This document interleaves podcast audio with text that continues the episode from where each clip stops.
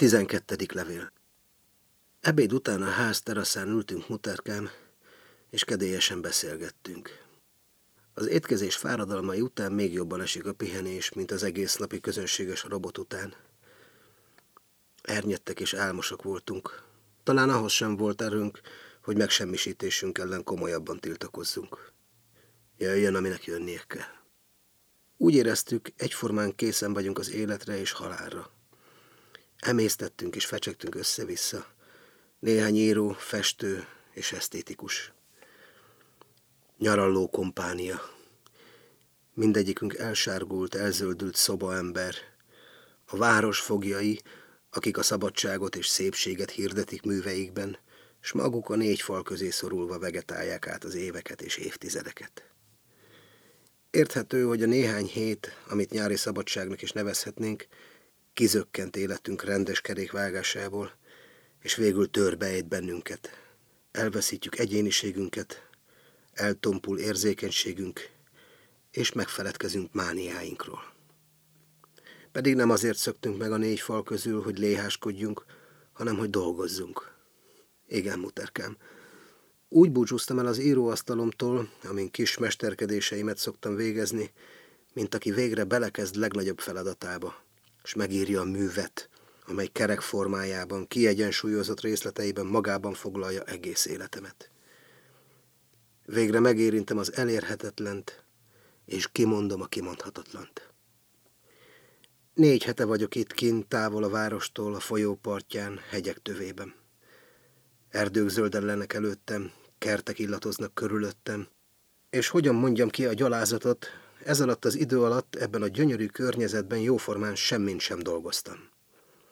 Eszem, iszom, alszom, lélegzem, olykor elfog a vágy, hogy magányosan útra keljek, becsavargom a tájat, egy letört ággal belepiszkálok a vakontúrásba, megkóstolom a leszakított füvek és gyomok kesernyés nedveit, ha nagyon melegen van, belemártom magam a folyóba, ha fáradt vagyok, elpihenek az árnyékban, de sohasem érzem a szükségét, hogy ceruzát vagy papírost vegyek a kezembe.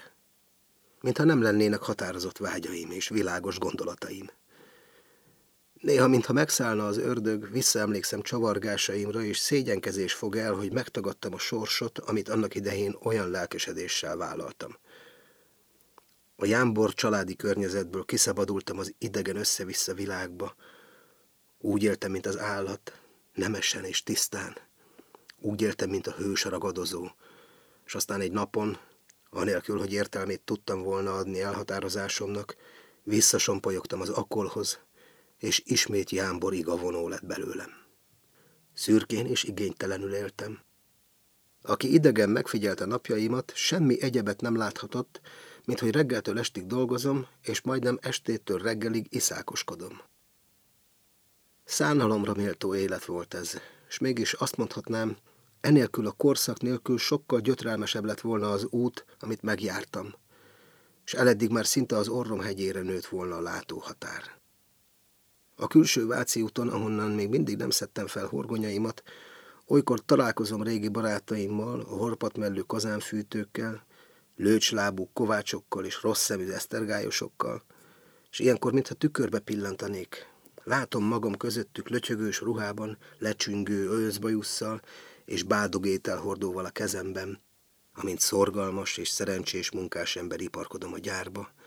Előttem a kétségbejtő jövővel és mögöttem a családdal, a tétlenség lekárhoztatott fiúkkal, vérszegény lányokkal és egy asszonnyal, aki koravénen és tele keserűségekkel a feleségem. A maga részére nem kell muterkám, hogy ide nyomassam ezeknek az embereknek a fotográfiáját. Mi élhetne fájdalmasabban és feledhetetlenebbül az emlékezetében, mint éppen ezeknek a szerencsétleneknek a figurája. Nem is kell, hogy rájuk pillancson, s mégis örökké láthatja őket, mert ők voltak a maga apja és nagyapja, és ők a gyermekei unokái, mint ahogyan az én vérbeli rokonaim valamennyien.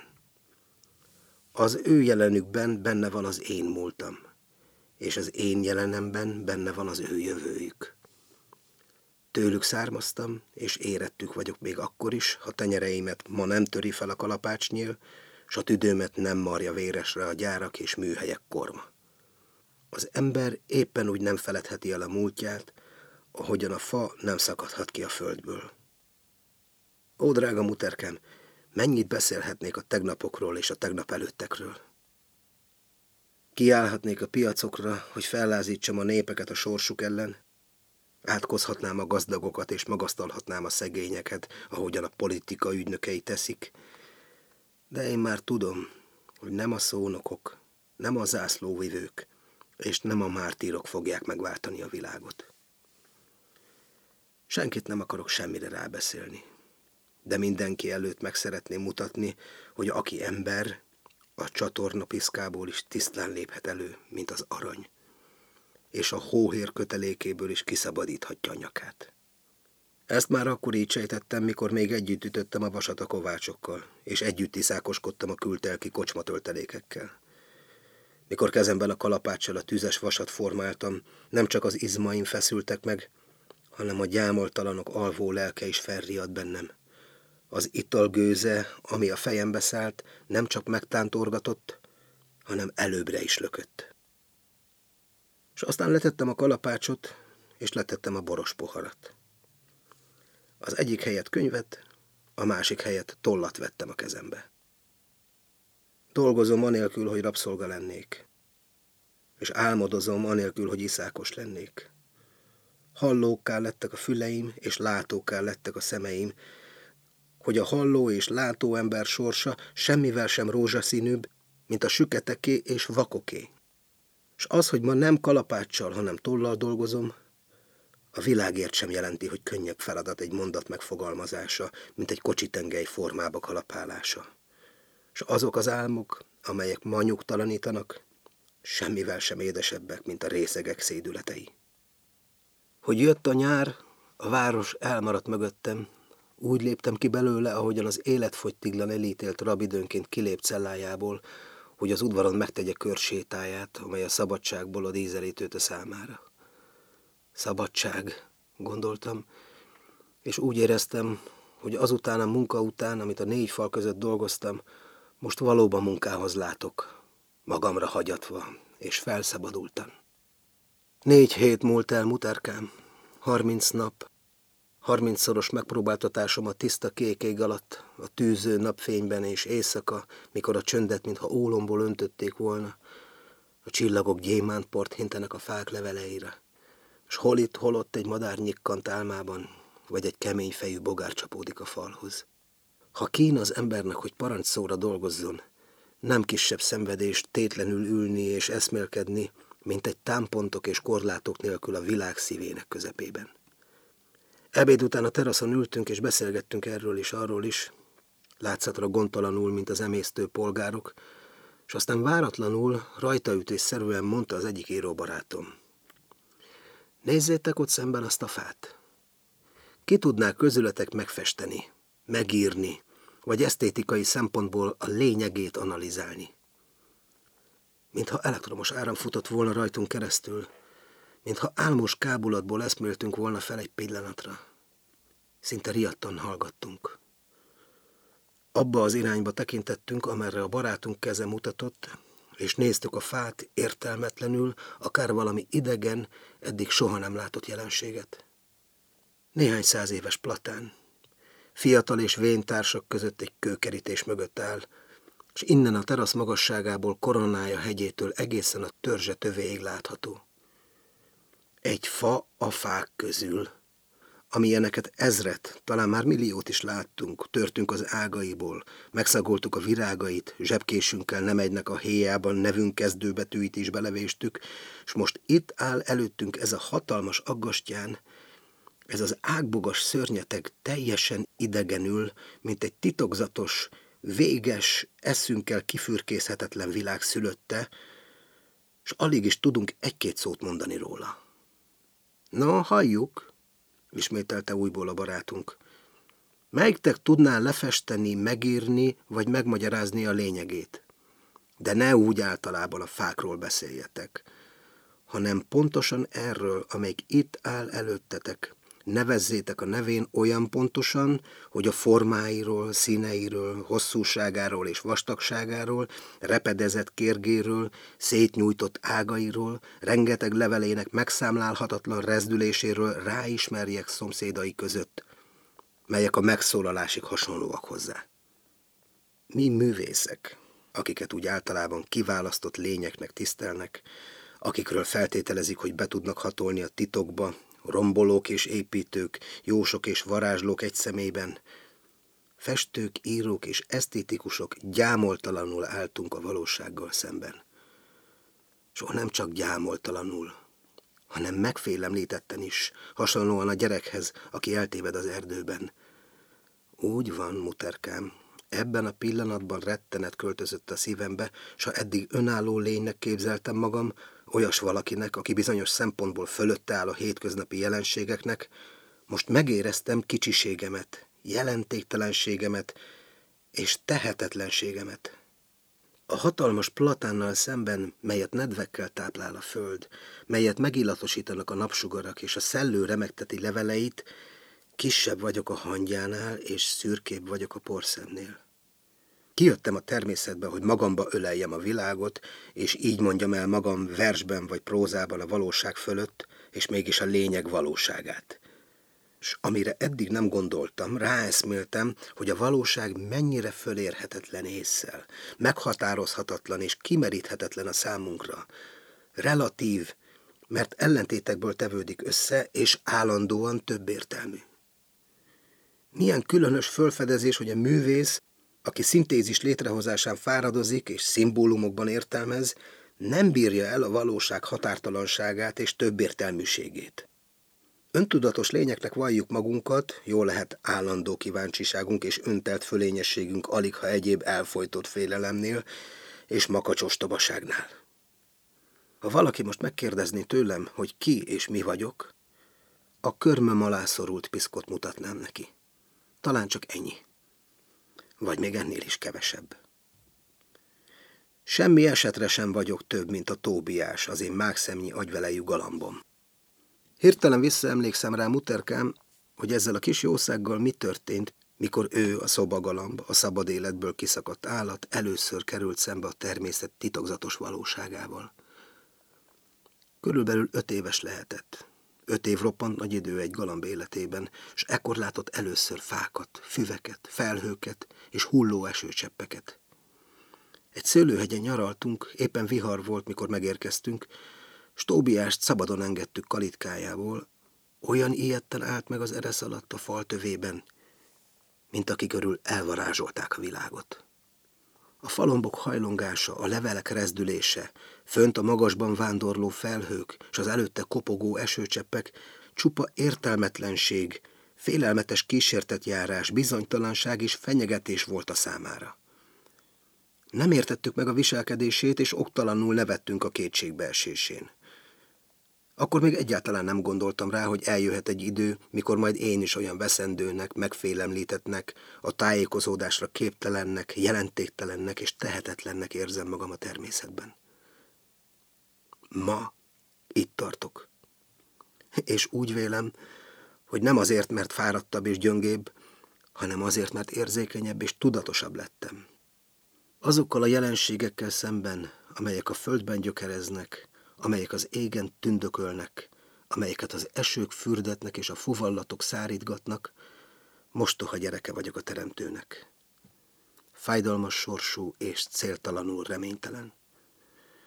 A négy fal közül azért jöttem ki a fénylő szabad nyárba, hogy dolgozzam, és értelmesen mukkani sem tudok. Mert hiányolom magam körül a falakat, mint akit nem rabságra ítéltek, hanem aki rabságra született. És talán ezek a pillanatok adják meg az értelmét annak az elhatározásomnak is, mikor az országútról visszafordultam a városba, a tág horizont elől a falak közé, a természet kihasználásától a költői alkotáshoz. Valamikor gyerekkoromban még bosszút esküdtem azok ellen, akik bekergettek a rétekről, eltiltottak a folyótól, kezemből kivették a spárgát, amelyel sárkányt eresztettem, és hogy magamba szálljak, bezártak a szobába. Visítottam, mint akit ölnek, és patakokban hullottak a könnyeim, és aztán, mintha elszenderedtem volna. A rétek, folyók és sárkányok helyett fantasztikus látomások ejtettek kísértésbe. A padlón feküdtem, s hunyt szemeim mögött begindultak a fantáziák, s anélkül, hogy készültem volna rá, a valód világból átvándoroltam egy másikba, ami egyre valóságosabb, tűrhetőbb és kívánatosabb lett a számomra. Mennyit tudnék beszélni azokról a láthatatlan realitásokról, amelyekből költeményeim, képeim és elmerkedéseim születtek meg, de semmi pontosat, semmi egyértelműt, a valósággal azonosat nem tudok mondani a platánfáról, ami itt áll előttem, aminek a hatása alá kerülök, de a lényegében nem tudok behatolni. Érzem, él itt valaki ebben a rengetegben, akit nem ismerek, nem tudok meglátni, de bizonyosan itt van, mert megfogja a kezemet, színes fájtlokat terít a szememre, és így vezetget ide-oda, állandóan bolyongunk, és sohasem érünk célba. Állandóan gyűjtünk, és semmit sem használunk el belőle. Tétlenségben élek, és mégsem erénytelenül. Talán mértékkel is lemérhetném, ahogyan egymásra rétegződnek bennem az élmények és emlékek, hogy a valóság benyomásai egyszer maguk is valósággá váljanak. Majd egyszer, megint a négy fal között, ahol érezve rabságomat, mint beteg a nyavajáit, jajgatni kezdek a fájdalomtól, és olykor énekelni kezdek a fölötti örömömben, hogy a fájdalom sem kibírhatatlan a számomra. És úgy általában, ha tétlenségre is vagyok ítélve, itt kint néha azért akadnak pillanatok, amikor fájdalmaim kövei alól és kicsiségem mélységéből, mint hőforrás, rendetlen foszlányokban előtör a dal, és ilyenkor boldogan, mint a gyermek, boldogabban, mint a szabadulásra készülő rab, énekelem. Hely-haj, milyen kegyelmes hozzám a nyár, hely-haj.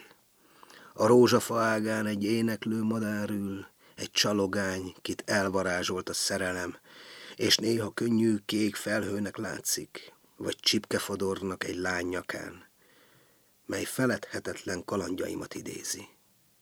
És ezekben a csipcsup dolgokban muterkám már benne zendül az eljövendő erőfeszítéseknek és eredményeknek a hírhangja és valamennyien festők, írók és esztétikusok, akik most olyan szegényeknek, kicsinyeknek és tehetetlennek érezzük magunkat az évszázados platánfa előtt, holnap vagy holnap után felszedjük a sátorfánkat, a szabad természetből visszaköltözünk önmagunkba, és hozzákezdünk az élmény és emlékrétegek kibontásához. Mint a bányász és a búvár. Leszállunk a mélybe, és felhozzuk a föld érceit vagy a tenger gyöngyeit. Egyszerűbben szólva kitárjuk lelkünket, melyet hiába volt szemérmes és ügyefogyott. Teherbe ejtett a nyár, és megtermékenyített a fák lombozata, esők permetezése, virágok illatozása, a csodálatos magasság és a végtelen távolság. Egész levelemben panaszkodtam muterkám, de most, hogy zárom soraimat, mindezt vegye inkább dicsekvésnek. Igaz, mikor a barátom arra szólított fel, hogy mondjak valamit a szemben lévő platán lényegéről, hallgattam, mint a kuka, és megriadtam, mint a tóbiás, az én csodálatosan szép madaram, mikor először találta magát szemben a természettel. Igaz, ha lennének könnyeim, elsírtam volna magam gyámoltalanságomban. Igaz, hogy így történt. Kisebb voltam a hangyánál, és szürkébb a porszemnél, de mindez, és még ezer ennyi sem gyöngítheti hálámat azért, hogy megszült és feltáplált engem muterkám. Erre a fájdalmasan gyönyörű világra, amelyben kicsiny és veszendő vagyok. De olykor a költészet nyelvén megszólal bennem a mindenség, és mint Isten kiválasztotja, felelni tudok a kérdezőknek.